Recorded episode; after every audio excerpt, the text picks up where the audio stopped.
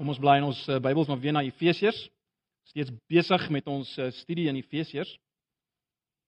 Ons sal nog so 'n paar sonne waarskynlik besig wees met Efesiërs, nie meer te lank nie, dan gaan ons uh, na Genesis beweeg.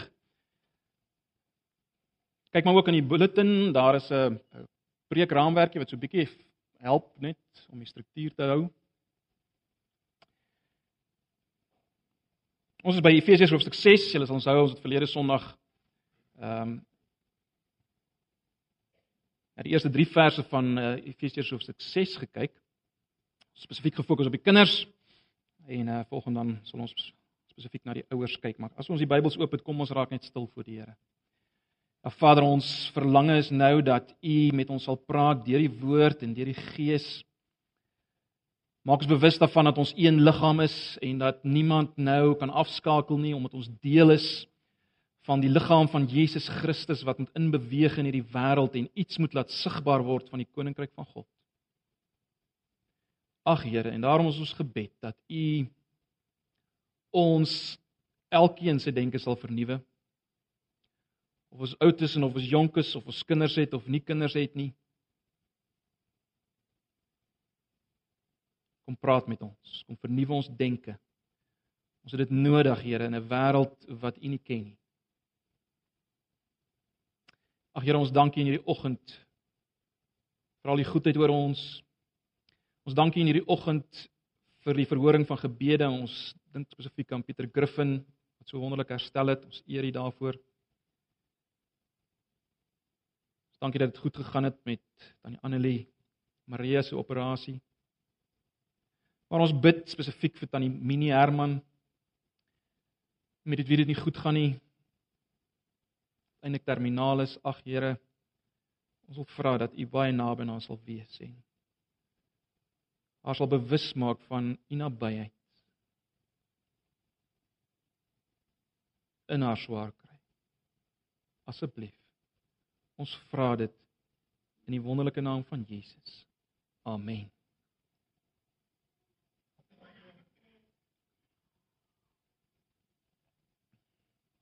Nou, broers en susters, ehm um, as ek vanoggend vir julle sou vra, som vir my dit waaroor Efesiërs gaan in in een kort sin op, dan dink ek tog dat of ek vertrou eh uh, dat eh uh, nadat ons nou so ver gevorder het in Efesiërs, julle sal sê wel, dit gaan oor die kerk.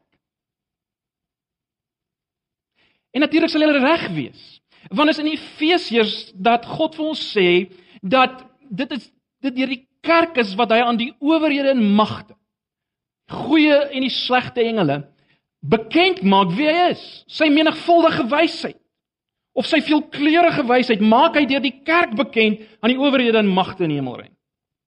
Ons lees dit in Efesiërs. Dis in die kerk waar ons 'n prentjie sien. Kan amper sê 'n voorprent sien van dit waarna toe God op pad is met die hele kosmos waarvan ons lees in Efesiërs 1 vers 9 en 10 as as as Paulus sê uiteindelik gaan alles onder een hoof verenig wees Christus Jesus. Alles.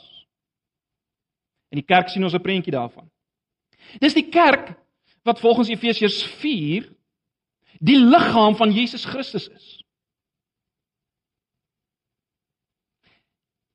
En wat daarom en ons het al baie daaroor gepraat in die wêreld in beweeg soos Jesus Christus Kerk word al meer soos die volwasse Jesus. Gaan lees maar weer Efesiërs 4. Onthou julle dit nog? En daarom is dit nie snaaks dat Efesiërs 5 klem lê op die die eenheid en die heiligheid van hierdie kerk. Maar broers en susters, ons mag nie vergeet as ons praat van die kerk, mag ons nooit vergeet dat die kerk en ons weet nou, uh elke plaaslike gemeente is volkome kerk, eklesia. Ons mag nie vergeet dat hierdie kerk nie verwys na 'n gebou nie of 'n plek waar dinge gebeur nie. Dit verwys ook nie net na eh, die ouderlinge en die diakens en die leraar nie. Die kerk bestaan uit mense. Mense wat volgens Efesiërs 2 vers 1 dood was deurdat hulle geleef het net volgens hulle eie begeertes en eintlik beheer is deur die wêreld wat natuurlik weer op sy beurt deur die duiwel beheer word. Mense wat so was, maar vir wie God lewend gemaak het deur sy gees deur middel van geloof in Christus Jesus. Die kerk bestaan uit sulke mense. Maar meer nog.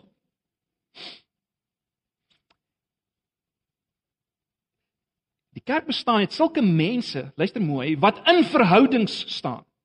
Mense wat in verhoudings staan. En daarom praat Paulus in in in Efesiërs 5 en 6 oor die verhouding man-vrou.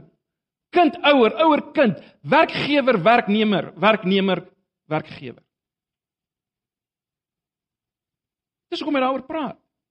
Want ons moet sien dit is in hierdie verhoudings Dit is in hierdie verhoudings dat Jesus Christus sigbaar word, hy gesien word. God wil inbeweeg in hierdie wêreld deur mense wat in verhoudings met mekaar staan. Baie belangrik. Deur mense wat in verhoudings met mekaar staan. Want onthou, God self is 'n verhouding God, Vader, Seun Gees. En as ons in verhouding met mekaar staan, dan sien die wêreld iets van God en iets van Jesus. En so wil God in die wêreld inbeweeg. En is juis, eh, broers en susters, in hierdie verhoudings waar die verskil met die wêreld gesien word. Die wêreld waar mense leef net vir hulle self, om hulle eie begeertes te bevredig. Platte trap rondom hulle net om bo uit te kom. Dis in hierdie verhoudings waar die verskil tussen die kerk en die wêreld gesien word. En ons weet nou dat die wil van die Here Julle sal onthou ons daaroor gepraat, né? Nee wat is die wil van die Here? Die wil van die Here het ons nou al gesien is juis dat mense in verhoudings met mekaar leef onder invloed van die persoon van die Heilige Gees. Baie duidelik, Efesiërs 5 vanaf vers 15 af. En broers en susters, ek en jy weet dat dit is juis waar die kerk van die Here dikwels faal. Is dit nie? Dis waar die kerk faal. Dis waar ons die wil van die Here mis. Ons maak dikwels aanspraak op wonderlike waarhede. Ons is dikwels so uitgesorteer in ons teologie. Ons ken alles, man. Weet van alles. Maar broers en susters, vir die wêreld, onthou net vir die wêreld is al ons teologiese praatjies 'n gebrabbel. Waarna hulle kyk is ons verhoudings. Hoe lyk dit? sien hulle iets anders daar? sien hulle 'n realiteit? Kom ek stel dit anders. sien hulle 'n rede daar hoekom hulle na Christus moet kom? Of kyk hulle na ons en sê my liewe aarde, maar as julle so lyk, vir wat op aarde moet ek 'n Christen word? Kyk hulle die verhouding, mans, vrouens, ouers, kinders, kinders, ouers. Vir wat wil vir wat moet ek 'n Christen word?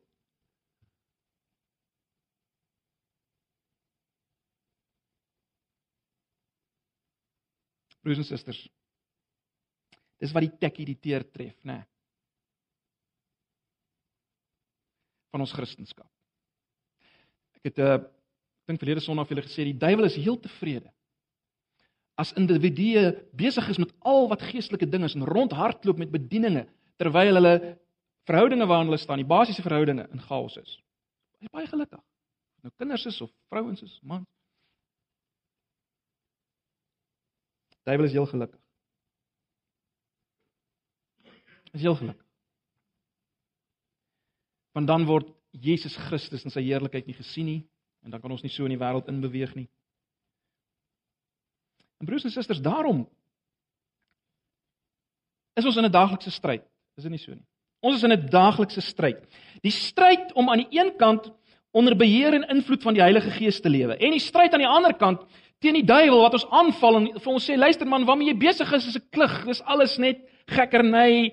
Kyk hoe lyk jy? Hoe kan jy 'n Christen wees as jy so op julle ken. Terloops broers en susters, het julle gesien dat die opdragte oor die verskillende verhoudings is as te ware ingebed tussen twee gedeeltes. Efesiërs 5 vers 18 waar dit gaan oor die vervul met die Heilige Gees.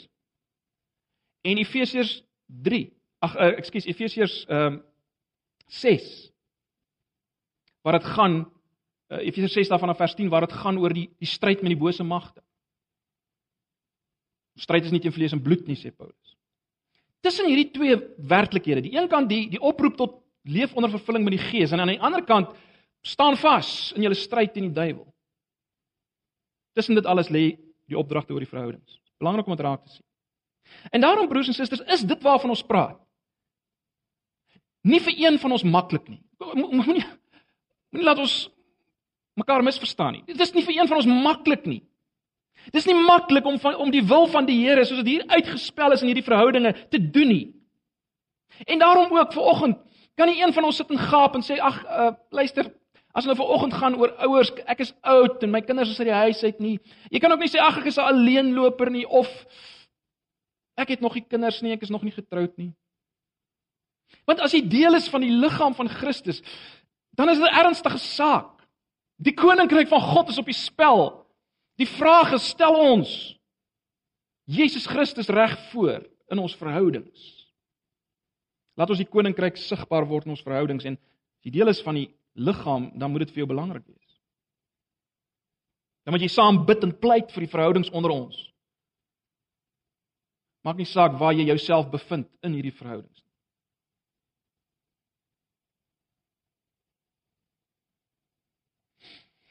En dit bring ons nou by die verhouding ouers teenoor kinders.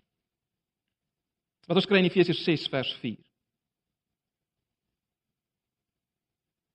Ons het nou reeds gekyk na die verhouding man-vrou.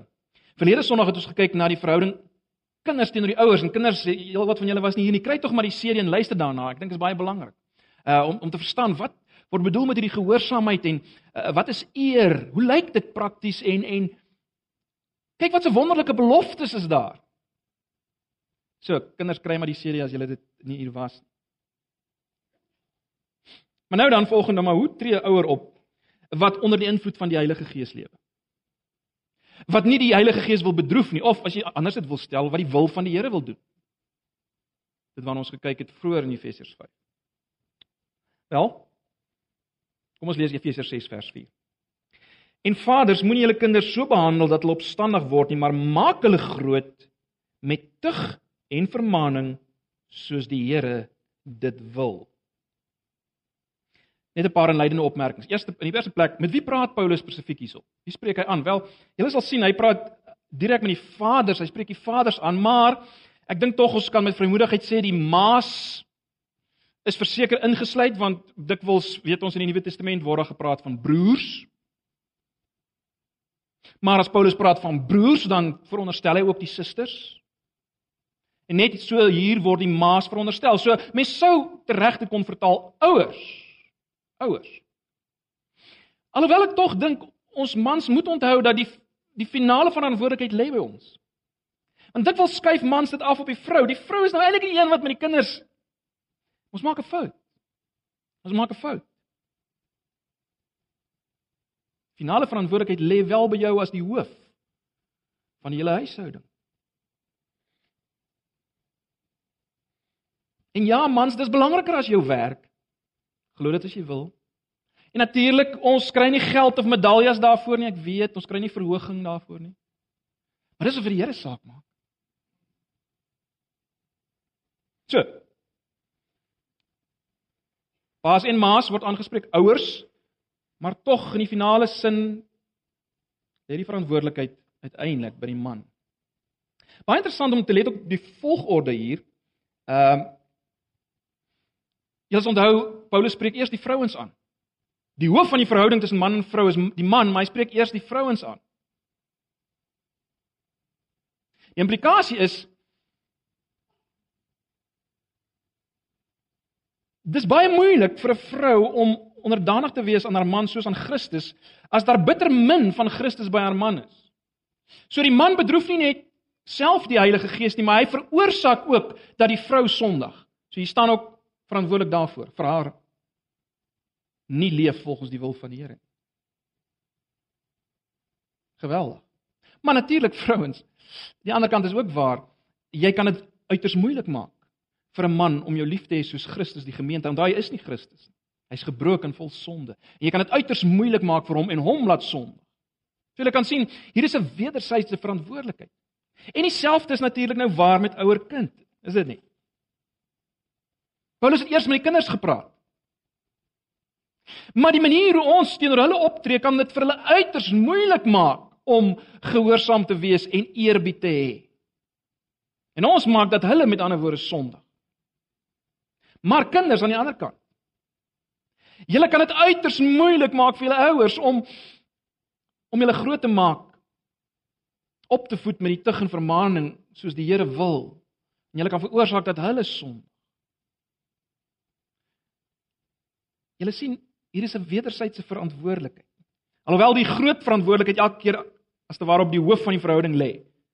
Die man, die ouers in 'n sekere sin. Maar daar is 'n wederwysige verantwoordelikheid, ons kan dit nie mis nie. Die, punt is maar net broers en susters, kinders, ouers. Die punt is dit. Ons is saam in die ding as jy wil. Alraai? Ons is saam in die ding. Ek meen die feit dat ek die ander een se geestelike lewe en welsyn direk beïnvloed, behoort my na my knie te dryf, is dit nie? Of jy nou kind is of jy ouer is of jy man of 'n vrou is. Die feit dat jou optrede kan die ander een se geestelike lewe beïnvloed. Behoort ons op ons knie te hou. Maar goed, kom ons kyk nou. Hoe kan ek verhoed as ouer dat die Heilige Gees bedroef word en dat my kind sondig? Wel, eerstens is daar 'n negatiewe opdrag, né? Nee. Julle sien dit daar. 'n Negatiewe opdrag. Vaders moenie julle kinders so behandel dat hulle opstandig word.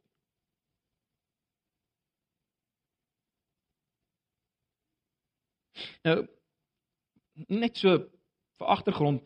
Paulus skryf eintlik in die agtergrond van die van die algemene tendens onder die Romeine van daai tyd dat die pa absolute mag oor die kinders gehad. Ek weet nie die, die pa kon die kinders as slawe verkoop. Uh die pa kon uh die kinders in ketTINGS op die lande laat werk. So kinders hulle moet baie dankbaar wees. Hulle pa het nog glad nie so ver gegaan nie. Maar meer as dit, nie net kon hy hulle in ketTINGS laat werk op die lande nie. Die pa het die reg gehad, die Romeinse pa het die reg gehad om die doodsvonnis oor sy kind te voltrek. So dis die agtergrond, né? Nee, so dit wat Paulus hier skryf is nogal is nie soos Christendom altyd totaal anders is as die wêreld, nê. Nee. Ook in daai tyd was dit anderste. Hoekom? Want die Christenpa is totaal anders, nê. Nee. Die Christenpa weet dit wat Efesiërs 4 vers 6 van praat het as daar staan, daar is maar een God en Vader. Daar is maar een Vader. So die Christenpa weet, kyk, ek is nie ek is nie die, die myn ou nie. Daar is een Vader. My kinders is my geleen. Ek is rentmeester van die kinders. Ek is verantwoordelik voor die Grootvader vir hierdie kinders. Hulle is net aan my geleen. En dis dis die verskil. Dit maak die verskil. En ek is verantwoordelik dat hierdie kind al meer die beeld van God moet vertoon. Ek is 'n rentmeester daarvan. So dit net so wat ag, agtergrond betref. Uh, ons sou dit wat Paulus hier sê so kon parafraseer. Ons sou kon sê hy hy sê in 'n sin ouers Besef dat julle kinders vol inwonende sonde is en moenie daardie pot onnodig roer tot hy oorkook nie. Ouers besef dat julle kinders vol inwonende sonde is en moenie daardie pot onnodig roer tot hy oorkook nie. Kyk, ons moet dit weet. Kinders sal kwaad word en opstandig word as hulle getug en vermaan word. Dit dit sal gebeur. Omdat daar sonde nog in hulle is, ook al is hulle al gelowig. Maar nou, wat is die punt hier? Broers en susters, dit gaan hier oor daardie onnodige kwaad maak. Met ander woorde, daardie onregverdige behandeling waarin hulle woede eintlik regverdige reaksie sou wees. So die onregverdige behandeling waarin hulle woede eintlik regverdige reaksie sal wees. Uh in Kolossense 3 vers 20 Ons sal weet Kolossense 3 is die hele gedeelte stem ooreen met hierdie gedeelte. Kolossense 3 vers 21 liewer. Stel dit so. Kolossense 3 vers 21, luister. Vaders, moenie gedurig by julle kinders fout soek dat hulle moedeloos word. Die 53 vertaling gebruik die woord terg, moet hulle nie terg uh sodat hulle moedeloos word.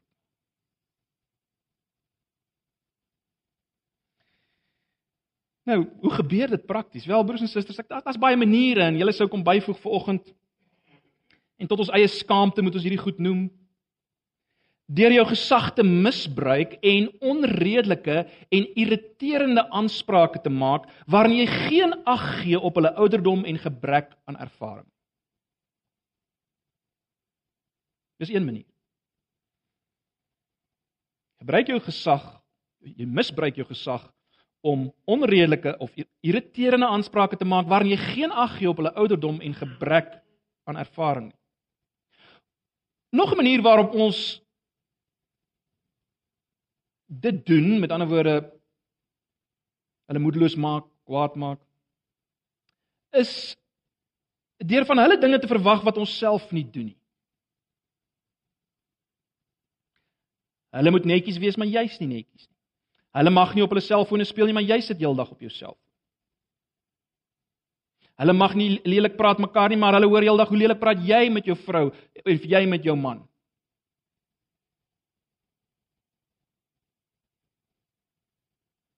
Dis nog 'n manier. Ons kinders moedeloos maak. En dan om hulle altyd te meet aan jouself of wat jy sou wees as kind.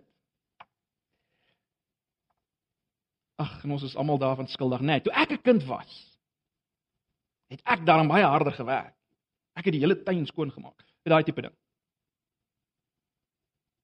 Mens wonder baie keer of dit regtig waar is en so meer.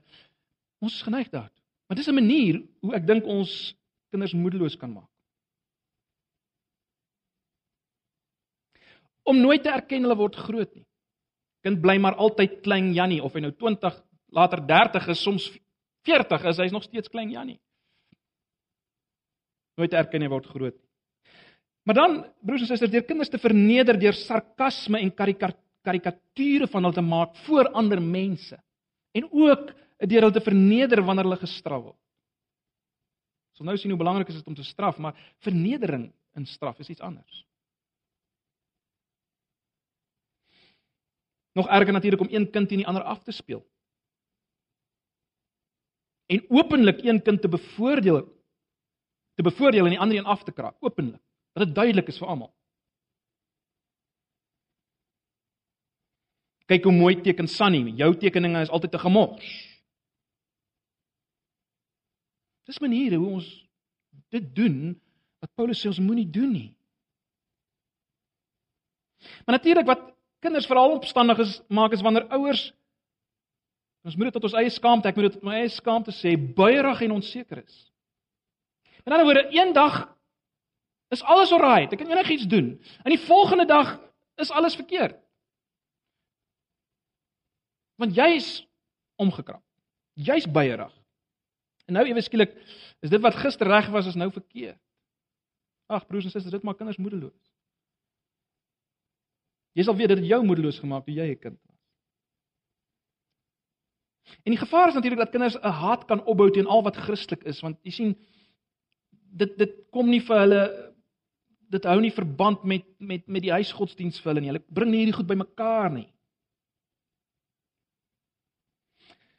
En dan natuurlik om nooit te erken as jy verkeerd is nie.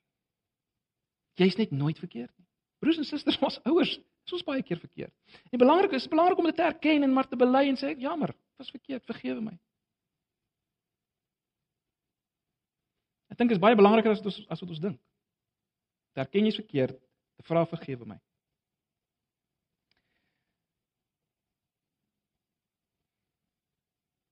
Ek wil sover om te sê broers en susters, as ons optrede teenoor ons kinders nie die resultate is van 'n groeiende intelligente liefde vir hulle nie, sal die resultate vervreemding wees.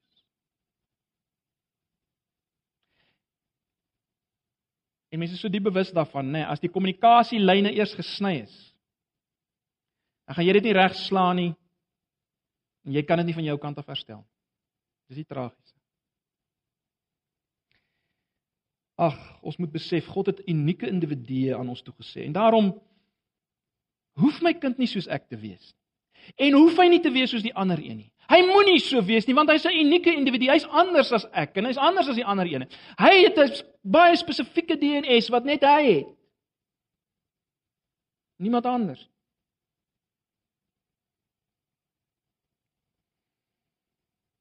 En ek moet daardie persoon begelei om dit te word wat God wil hê hy of sy moet word.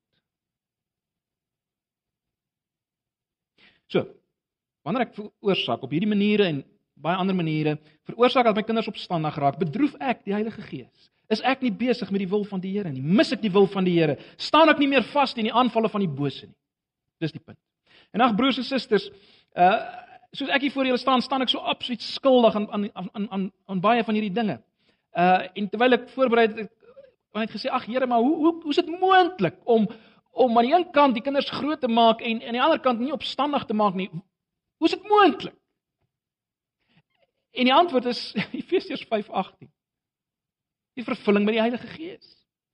Ons het mekaar gesê uh, iemand wat onder die invloed van die Heilige Gees is is juis die teenoorgestelde van iemand wat onder die invloed van drank is. Onthou julle 5 vers 18 se vergelyking.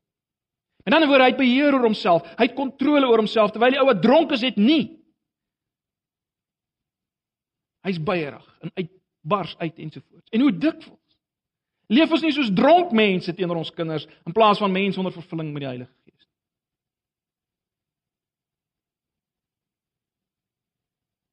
Ons kan nie kinders dissiplineer wanneer ons woede uitbarstings het. En die tragiese is ons doen dit dikwels. En daarom broers en susters, my oproep tot myself en ons elkeen is sorg dat jy onder die invloed van die Gees kom. Sorg dat die woord van God in jou bly. Word bewus van die stem van die Gees. Moenie die Gees bedroef nie. Jy weet baie keer jy doen dit. Die jou kinders moet die vrug van die Gees sien in jou lewe. Die vrug van die Gees. Maar goed, ons nou gekyk na die negatiewe. Die positiewe opdrag. Maak hulle groot. Maak hulle groot. Meer letterlik ehm um, voet hulle op. Voet hulle op. Jy sal sien dis die 53 vertaling uit die woord voet hulle op. Uh dis dieselfde woord wat gebruik word in ehm um, uh 5 vers 29 waar Paulus dit gebruik in terme van jou eie liggaam wat jy opvoed, wat jy voed, né? Nee. So die hele gedagte hier is die voorsiening van alles wat vir volwassenheid en welvaart nodig is. Die voorsiening van alles wat vir volwassenheid en welvaart nodig is. Jy sien die totaliteit van jou kinders moet die voorwerp van jou opvoeding wees. Wanneer laas het ek en jy gaan sit en dink, wat is my kind? Wat is hy regtig? Julle onthou ons verlede Sondag uh Lukas 2 vers 52 gelees. Miskien kan jy net so intoe blaai weer. Baie interessant. Uh As ons kyk na Jesus, wat word gesê van Jesus toe hy as kind groot geword? Lukas 2 vers 52.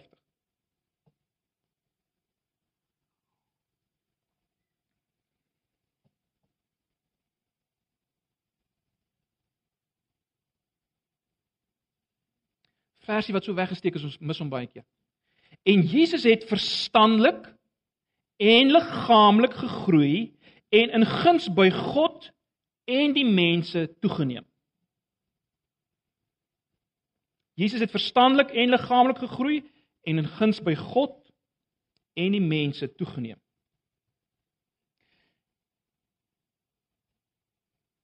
Verlede Sondag het vir die kinders gesê, kinders, dis in al daai areas waar julle nog nie nog nie groot is nie. Dis hoekom julle ouers nodig het.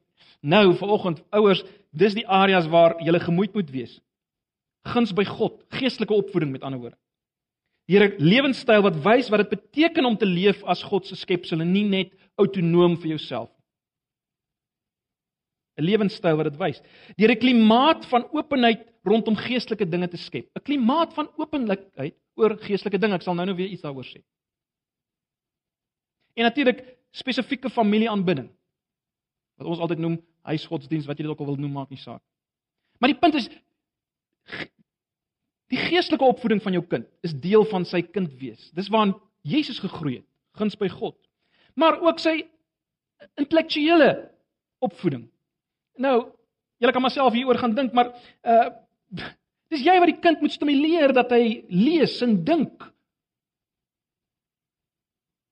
Ons laat dit vandag dikwels oor aan die skool natuurlik, ons stuur dit skool toe, maar primêr is jou verantwoordelikheid dat hy die kind intellektueel ontwikkel. Jy is verantwoordelik daarvoor voor God dat hy intellektueel ontwikkel, nie die skool nie. Ja, ons kan die skool gebruik. Maar jy's verantwoordelik. Uh fisiese opvoeding. Jy moet sorg dat die kind reg eet, gesond eet, oefening kry.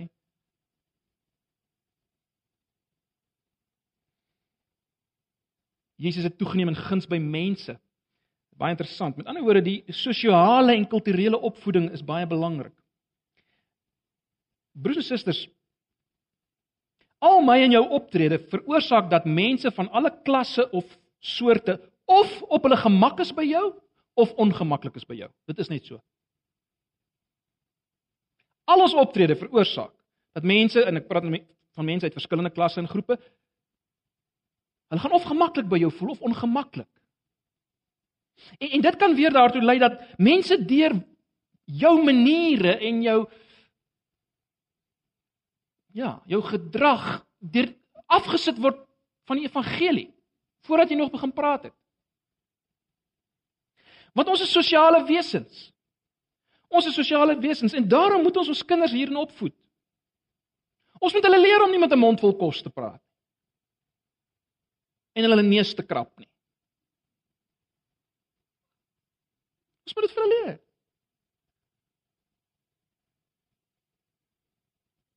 Om nie met 'n selfoon in 'n gesprek te sit nie. Want sien, dis die dinge wat sosiaal en kultureel onaanvaarbaar is. Dit sit mense af en dit sit mense af van die evangelie. So ons moet daarmee bemoeid wees. Ag, julle kan nog self ehm um, hier uitwy. Dis hoekom ons hulle moet leer om te groet van kleins af. Ek weet die growing kids mense is baie sterk daar. Maar dit is belangrik. Want uiteindelik moet hulle hulle roeping kan vervul as lede van die liggaam van Christus. En weer eens dis primêr die ouers se verantwoordelikheid. Ja, ons kan dat ander instansies in die sonnaskool help, maar dis primêr, hierdie dinge is primêr ons verantwoordelikheid. Uh, Dr. Martin Lloyd Jones het op 'n stadium gesê as as baie ouers net soveel aandag sal gee aan hulle kinders soos hulle gee aan hulle troeteldiere en hulle plante, dan sal dit baie beter gaan. Dis 'n skande. Of hulle motors. Goed, maar hoe moet ons hulle grootmaak? Daar's twee middele wat God gee, né, vir die opvoeding van kinders, naamlik tug en vermaaning En dan is daar 'n klimaat uh, waar binne dit moet plaasvind, naamlik van die Here of soos die Here wil. So daar's tug, vermaaning en dan die klimaat soos die Here wil of van die Here, né? Nee, Julle kry dit daar. So wat is die eerste middel? Tug. Nou die die woord tug uh paideia beteken letterlik om iemand reg te oefen of af te rig in ooreenstemming met regte reëls van gedrag en optrede. Dit klink nou vreeslik lank, maar hele gedagte van afrigting is daar, nê, nee, net soos 'n atleet se afrigter om afrig, uh moet die kind afgerig word. Maar die klem in hierdie woord paideia is is op dissipline in die afrigting. En veral lê in hierdie woord fisiese lyfstraf. Weer is nie baie gewild in die tyd waarin ons leef nie, maar dit is hoe die Bybel dit gebruik. Ek gaan net 'n paar gedeeltes uit in Spreuke vir julle voorlees. Luister maar net. Spreuke 13 vers 24. Wie sy roede, nou kinders, roede, ek lees nou maar hierdie hierdie is die 53 vertaling. So ons gebruik nie regtig meer die woord roede nie, maar dis maar 'n lat. Wie sy roede of lat terughou, haat sy seun. Maar hy wat hom liefhet, besoek hom met tugtiging. So as jy nie jou kind slaan nie, het jy hom nie lief nie. Hoofstuk 22 vers 15. Onverstandigheid is eie aan 'n jong mens, maar 'n pak sla haal dit uit hom uit. Baie prakties, is dit nie? Onverstandigheid is eie aan 'n jong mens. Hulle is onverstandig. Maar 'n pak sla haal dit uit hom uit. Hoofstuk 23 van Spreuke vers 13 en 14. Moenie huiwer om 'n kind te straf nie, want as jy hom slaan, red jy sy lewe. Vers 4 uh, uh, uh, vers 14 van Spreuke 23. Jy moet hom juis slaan om hom van die dood te red word in baie radikale terme gestel. En dan hoofstuk 29 vers 15, 'n pak sla en 'n teregwysing bring wysheid. 'n Kind wat sonder dissipline groot word, steek sy moeder in die skande. Dit kan nie duideliker as dit gaan nie, né? Maar dis die hele gedagte in die woord tug. Afrigting, maar met dissipline nou, dissipline hoef nie net lyfstraf te wees nie. Uh daar's baie forme van dissipline. Maar dissipline is nodig. Die tweede middel, vermaaning. Jy sien dan moet ook vermaaning wees. Nou 'n definisie van vermaaning is is die liefdevolle verbale oefening. Met ander woorde, dit gaan nie oor woorde wat jy gebruik. Woorde waarmee jy slegte houding gedrag verander. woorde. Met ander woorde, daar's aan die een kant die fisiese, maar dit moet saamgaan met woorde. Maar wat is die verskil weer eens tussen die Christen en die nie-Christen? Die Christen vind dit plaas in die Here of soos die Here wil. Dis die dis die beheerende beginsel. Met ander woorde, daar word nooit gesê jy moet so maak omdat ek so sê nie. Dit moet wees dis wat die Here wil, my kind. Dis wat die Here behaag. Nou die implikasies is natuurlik duidelik. In die eerste plek is dit duidelik dat jy met die kind by die Here uitbring want 'n kind sal geen begrip hê waarom hy nou juis iets nie moet doen omdat dit die Here bedroef nie want hy het geen liefde vir die Here nie. So is belangrik om te begin om jou kind by die Here te bring. En onthou net broers en susters, geloof kom deur die gehoor, en die gehoor is deur die woord van God. Hoe meer kinders die woord hoor, wek dit geloof in hulle op 'n manier wat ek en jy nie altyd begryp nie. 'n ander woord, ek praat nie daarvan dat jy jou kind vinnig druk tot 'n gebedjie wat jy moet bid sodat hy nou 'n Christen is nie. Ek praat nie daarvan.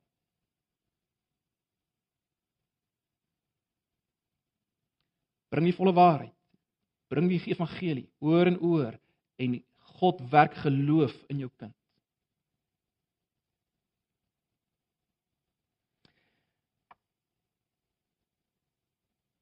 Maar dit is baie duidelik dat daar gepraat moet word, né? Nee, praat oor wat die Here behaag en nie. En kinders van julle kant af laat toe dat julle ouers met julle praat.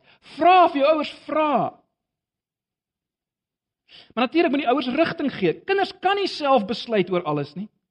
Dis dis wat ons die kultuur van die dag sê, nê. Nee. Kinders kan nie self besluit oor klere en musiek en partytjies en prente op die muur en wat hulle mag kyk op die televisie en al hierdie dinge nie en of hulle kan kerk mag kerk of hulle hoef kerk toe te gaan of nie. Kinders kan nie self hieroor besluit nie. Ook ons laat nie kinders toe om giftige of skadelike goed te eet of met vuurwapens te speel nie, maar maar ons laat hulle dikwels oor aan wat skadelik is vir die siel, dat hulle moet maar self daaroor besluit. En ons staan almal dikwels skuldig daaraan. Maar ons moet hulle begelei in hierdie dinge. En hulle moet kinders, hulle moet toelaat aan die ander kant dat ouers hulle hierin begelei.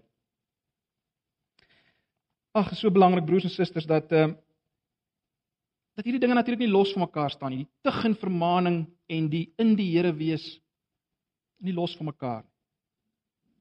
Uh Dit sal niks help as die kind jou ken as iemand wat met jou drankie in jou huisgenoot voor die televisie lê en eintlik nooit 'n saak het met die Here nie en dan ewe skielik moet daar die kinderbybel gelees word en hulle moet hulle doen wat die Here wil. Jy sien? Werk nie so nie. Die kinders moet in ons lewens self geestelike vreugde sien, geestelike dissipline. En dis die geweldige uitdaging, né? Nee. Dit moet vir hulle aantreklik word. En ek dink dis die stryd, dis my eie stryd dat dit tog vir die kinders aantreklik moet wees, die evangelie, die dinge van die Here. Uh dit moet deel wees van ons gewone gesprekke.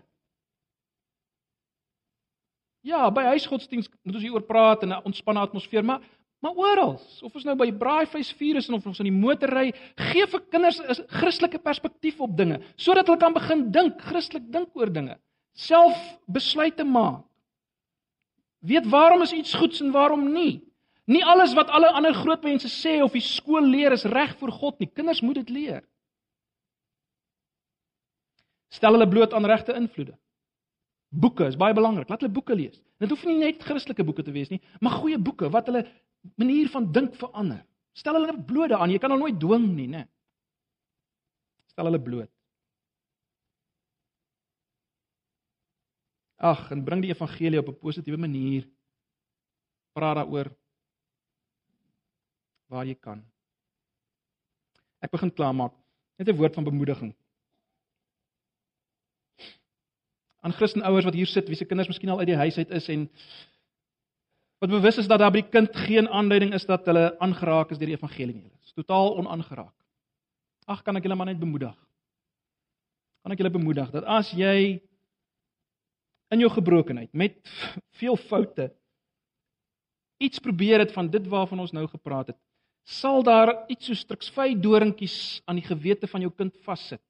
En die Heilige Gees kan dit gebruik op die tyd wat hy wil om jou kind werklik te bring tot 'n kennis van Jesus Christus.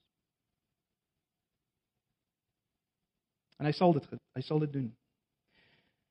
Ek sluit af. Ek dink ons almal ken die uitdrukking jy vat niks saam met jou na die graf toe nie.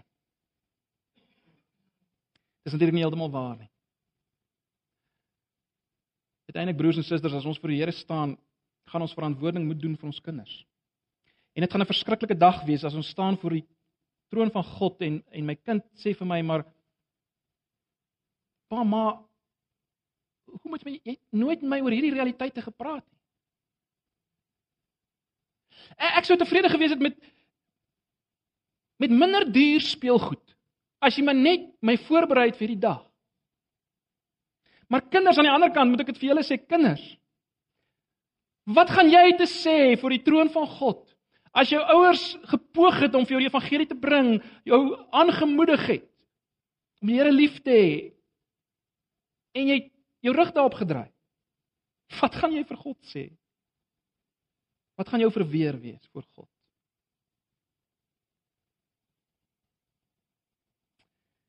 Ag broers en susters.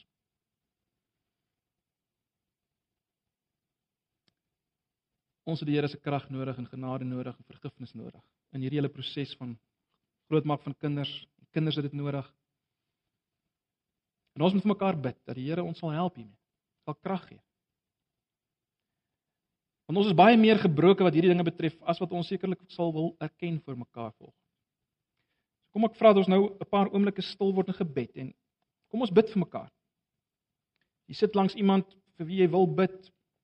Bid nou vir die persoon vir die ouer, vir die kind. Kom ons gebruik 'n paar oomblikke van gebed vir mekaar rondom hierdie saak. Want dit raak ons almal. Dit raak uiteindelik die getuienis van van Jesus Christus na buite deur sy liggaam. Gee 'n paar oomblikke van gebed en dan sluit ek af. Ag Here, U ken ons harte, U ken die versigtings van ons harte. U weet dat dit ons begeerte is dat ons kinders U sal ken en dat hulle U in ons sal sien en tog Here weet U hoe ons klaaglik misluk. Daarom bid ek vir genade, bid vir vergifnis. Ek bid vir 'n nuwe werking van die Gees in ons almal se lewens. Asseblief Here. Ons vra dit in Jesus se naam. Amen. Kom ons sluit